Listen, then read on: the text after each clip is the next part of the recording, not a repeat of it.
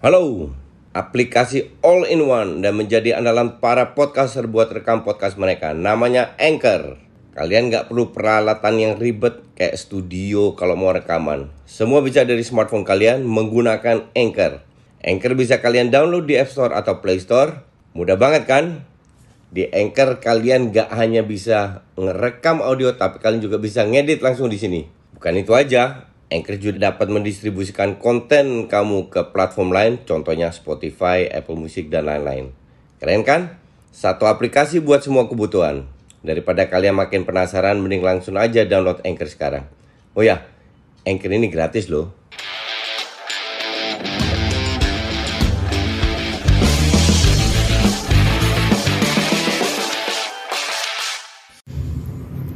Salam Jastok, kita kembali lagi bahas uh, review uh, review dua pertandingan, tiga dengan Madrid, tapi um, juga preview, preview ntar malam uh, MU, terutama MU lah.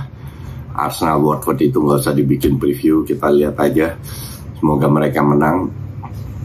Um, sebelum ke sana kita mulai sebelum ke preview kita bahas Chelsea dulu di atas kertas yang nggak nonton akan bilang, wah Chelsea ngobok-ngobok Burnley, oke, okay? 4-0 luar biasa. Tapi kalau lu nonton, kembali 3-4-3-nya Tuchel ini karatan. Di babak pertama, Burnley itu definitely bisa ngelawan.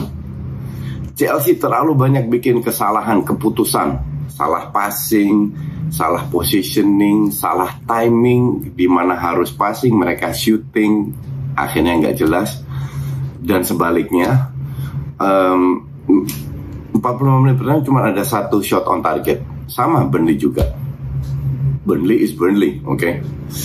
nah masuk babak kedua harusnya seru nih Kenapa gue bilang harusnya seru? Karena mungkin kayak MU, MU babak kedua kan biasanya agak letoy gitu, oke? Okay? Masuk babak kedua kita lihat apa yang bisa dilakukan Burnley.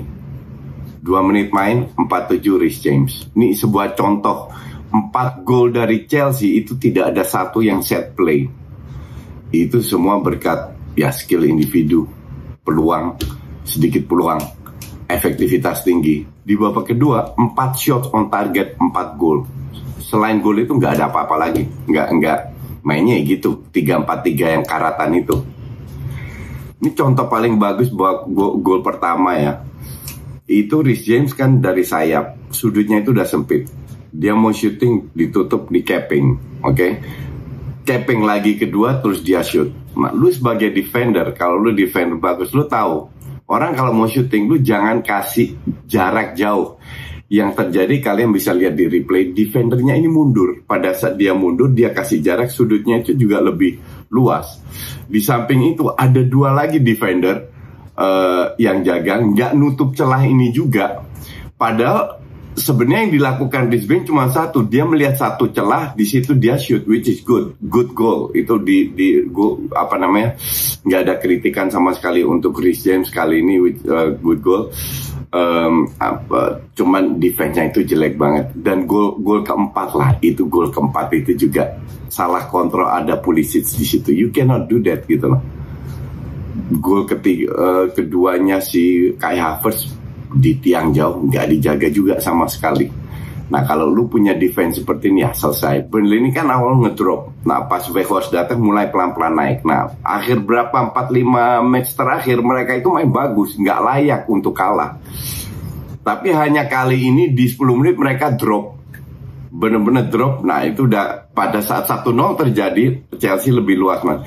Apakah Chelsea dapat banyak peluang uh, setelah gol? Nggak juga nggak bagus-bagus juga mainnya. Jadi kali ini aku harus katakan bahwa skornya itu tidak sesuai dengan berjalan pertandingan. Hanya mereka sangat efektif di babak kedua 4 shot 4 gol itu luar biasa. Nggak banyak klub bisa melakukan itu. But anyway, yang penting Chelsea sekarang uh, satu poin plus poin yang gue lihat Kai Havertz ini lagi mulai on fire, oke? Okay? Lagi mulai on fire, um, apa namanya? At least si si Tuchel nggak ter, tergantung oleh Lukaku yang jarang cetak gol. Nah, dia bisa pasang Kai Havertz, at least di, dan polisi juga eh, sudah kasih satu assist dan uh, satu gol. awal kan sering main jelek. Cuman gue bilang tetap karatan. Kalau lu ketemu tim yang levelnya lebih tinggi, you cannot play dengan 3-4-3 ini. Ini hanya teori, kita lihat prakteknya seperti apa. Kalau ketemu tim besar, bukan Lille ya, ketemu tim besar di Inggris maupun di luar. Um, kita ke Liverpool. Liverpool kemarin kembali kesulitan menang dengan hanya dengan 1-0. Aston Villa, uh, bentar, bentar, ya hanya dengan satu golnya Mane. Golnya Mane itu juga salah shooting dari Alexander Arnold ya. Cuman hebatnya Mane dia selalu fight untuk semua bola dan kebetulan dia dari belakang nggak bisa diantisipasi oleh lawan. Um, ya masuk. Dan kalau dibilang menang layak menang. West Ham juga bapuknya minta ampun. Tapi tiga pemain depan ya Luis Diaz bagus skill individu yang berapa kali dapat counter pun sering gagal. Salah jelek ya, salah jelek banget. Dan Mane gue lihat uh, dia berusaha keras tapi dia tidak begitu nyaman dengan posisinya sebagai striker. Gue bilang Jota lebih bagus di posisi itu daripada Mane. But that's okay, minimal uh, Liverpool bisa bereksperimen dengan menempatkan pemain di beberapa waktu karena dia selagi main bagus, dia selagi bagus, skillnya bagus, um, walaupun apa namanya kadang agak sedikit egois tapi ini masalah jam terbang aja kalau gue bilang. Salah yang jelek. Gue mau ngenalin kalian aplikasi rekaman andalan gue Anchor jadi Anchor ini aplikasi yang lengkap buat para podcaster kita bisa ngerekam ngedit tambah musik efek bahkan sampai upload ke platform lainnya semua bisa dari Anchor nah aplikasi Anchor ini bisa kalian download di App Store atau Play Store dan juga di website di www.anchor.fm. One app that your podcast needs. Oh ya, Anchor ini gratis ya. Tapi ya, that's okay. Sejelek-jeleknya salah, dia dapat seperempat peluang tetap bisa cetak gol. Layak menang ya. Ini gue lihat match kemarin itu sama nggak jauh beda dengan Liverpool lawan Burnley, di mana juga cetak satu gol. Uh, golnya nggak spektakuler juga lewat heading uh, terus kembali lagi ba baru di, di shoot oleh Fabinho kalau nggak salah. Tapi ya yang yang penting sekarang untuk Liverpool adalah di Liga terutama mencari tiga poin dulu karena dengan ini Liverpool bisa mengikuti City yang tar malam ketemu dengan uh, Man United. Madrid juga menang. Ma Madrid ini contoh bagus. Kemarin ketemu dengan Sociedad di mana Sociedad main bertahan, unggul lebih dahulu kemarin itu menunjukkan bahwa Real Madrid itu bisa main bagus, terutama golnya Asensio itu kerjasama yang luar biasa. Walaupun kalau defendernya bagus sih Carvajal nggak boleh kasih passing kayak gitu, tapi finishingnya bagus dan belum kalau golnya Kamavinga sama Modric itu kan lebih skill individu ya, shooting dari jarak jauh. Tapi untuk gue, kalau Madrid mau bermain bagus, ketemu tim bertahan ya, they can do that karena mereka punya kualitas seperti itu. That's why gue bingung tim kayak Madrid ini main bertahan itu nggak masuk akal untuk gue. Nah nanti ketemu PSG, PSG akan bertahan di situ kita lihat. Nah, ntar ntar gue bikin pre previewnya lah. Sementara uh, Sevilla kembali seri, kalau Barca menang akan mendekati Sevilla lagi. Kayak seperti yang gue bilang, Barca nggak nggak perlu lolos ke Champions League lewat UEL, lewat UCL cukup Madrid pasti juara, rank 2 sangat terbuka. Kemungkinan besar untuk gue bilang itu untuk Barca. Tapi kita lihat, semoga ntar malam menang. Um, kita ke preview Man City Man United. Oke, okay? di atas kertas Man City unggul dari segala segi, tapi itu hanya di atas kertas.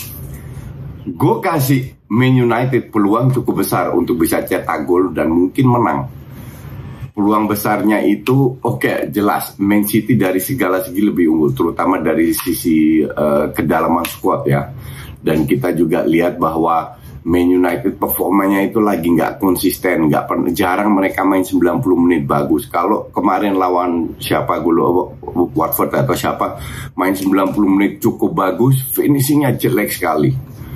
Nah ntar malam ketemu City. MU itu sering menang lawan City oke? Okay? uh, di bawah berapa pelatih pun. Jadi bukan alasan untuk uh, lihat ranking atau lihat performa MU pasti kalah enggak sama sekali tidak. Yang jelas karena ini derby jadi membuat pertandingan ini akan lebih seru. Oke? Okay? nah Pep sudah bilang kita nggak akan main terlalu terbuka. Bahkan dia keluarkan istilah low block. Tapi ya low blocknya City itu seperti apa? Karena berapa kali uh, City kalah lewat counternya MU Rashford Bruno yang jadi masalah kan Rashford ini lagi jelek banget, Bruno lagi jelek banget. Ditambah entar kalau gue nggak salah baca berita, tidak ada Ronaldo, tidak ada Varane, tidak ada Luxio, uh, tidak ada Pet. Ada, ada satu lagi lupa gue, empat pemain lah. Pokoknya nggak nggak akan ma masuk squad. Nah, Cavani udah fit kalau nggak salah ya. Cavani oke, okay. tapi Varane akhir-akhir ini sudah agak mendingan mainnya Luxio gue bilang penting. Tapi ya kita nggak tahu masih ada teles kan. Nah sekarang jadi masalah kalau gue bilang MU ini uh, masalah finishingnya itu buruk sekali. Performanya itu percaya diri itu lagi menurun. Kalau Bruno kembali main jelek ya susah. Yang dibutuhkan ini justru Bruno. Mereka tidak akan mendapatkan banyak peluang uh, untuk cetak gol. Contoh Spurs nggak dapat banyak peluang, tapi hampir 90% efektivitasnya tinggi. Nah ini harus dilakukan oleh MU juga. Peluang pasti dapat. Yang jadi masalah sekarang bukan mereka nggak bisa bermain, bermain, tapi konsistensinya itu sangat amat tidak jelas. Dan ini nggak ada yang tahu juga. Makanya kalau gue suruh bikin preview MU, ya gimana mainnya? Seperti kita tahu dan gue sering bahas, sering babak pertama main luar biasa, cetak satu dua gol. Babak kedua kena comeback.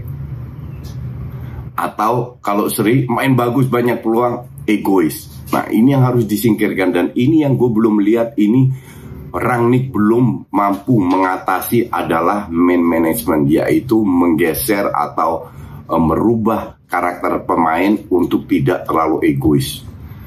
Coba lu cek statsnya MU selalu shotsnya di atas 20 yang on target berapa? 1, 2, 3 sangat amat sedikit kenapa kalau lu udah tahu begitu kenapa tidak main di bikin banyak kombinasi. Kita tahu lah pemain kayak Sancho gitu, uh, Rashford sering pakai kacamata kuda, makanya gue bilang mending masukin Elanga. Elanga mungkin secara kualitas tidak sehebat Sancho atau Rashford, tapi ini anak bekerja keras, bekerja keras dan selalu ada kontribusi. Uh, kalau gue bilang mending pasang 4-2-3-1 dengan dua DM uh, bukan nggak sama Fred tapi ya Fred masih bisa lah. Tapi lebih Fred sama Mat sama uh, Matic atau Fred sama McTominay atau Matic sama McTominay. Matic harus main. Dia lebih ke balance karena dua pemain ini McTominay sama Fred lebih sering ninggalin ninggalin posisinya. Kalau Matic itu lebih kayak Busquets cover untuk balancing ke depan ke belakang dikit. Tapi tengahnya antara serang di dan dan ber, bertahan itu ke ke cover sama Matic um, Arsenal main jam 9 lawan Watford ya harusnya menang ya. Gak gue kecuali mereka main ancur banget tapi ya kita, kita, kita lihat sama Barca harus menang lawan LC untuk agar bisa mengikuti uh, memperkecil jarak dengan Sevilla. Oke kita tunggu previewnya, uh, reviewnya besok ya. Thanks for watching. Jangan lupa uh, nonton videonya Lothar Mateus dan semoga doain ada interview dengan legend lainnya lagi. Thanks for watching.